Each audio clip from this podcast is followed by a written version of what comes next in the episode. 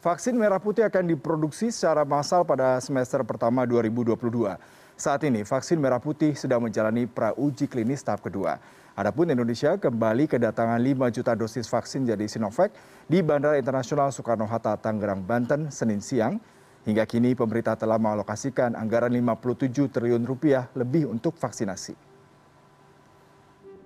Vaksin merah putih yang diproduksi oleh Universitas Erlangga bekerja sama dengan PT Biotis Pharmaceutical Indonesia saat ini perkembangannya telah menjalani uji praklinis tahap 2. Hasil uji praklinis 1 diklaim memiliki hasil yang baik dan menjanjikan. Ketua peneliti vaksin merah putih Fedik Abdul Ranta menyebut, komponen yang terkandung dalam vaksin merah putih aman dan tidak memicu adanya penggumpalan.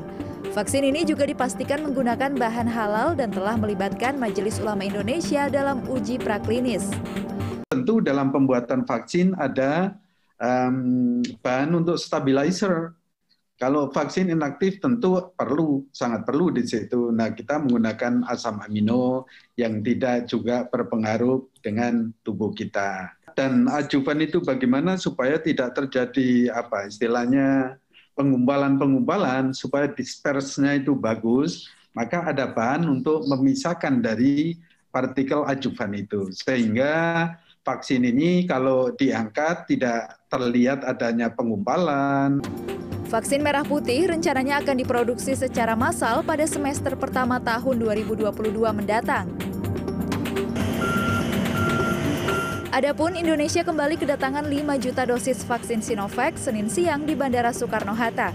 Dengan kedatangan vaksin ini, total lebih dari 200 juta vaksin telah diterima Indonesia.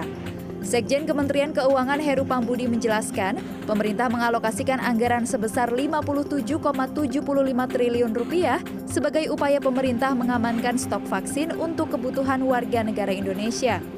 Kedatangan 5 juta dosis vaksin jadi produksi Sinovac ini membuat total telah lebih dari 200 juta vaksin diterima Indonesia, baik vaksin jadi maupun dalam bentuk bulk.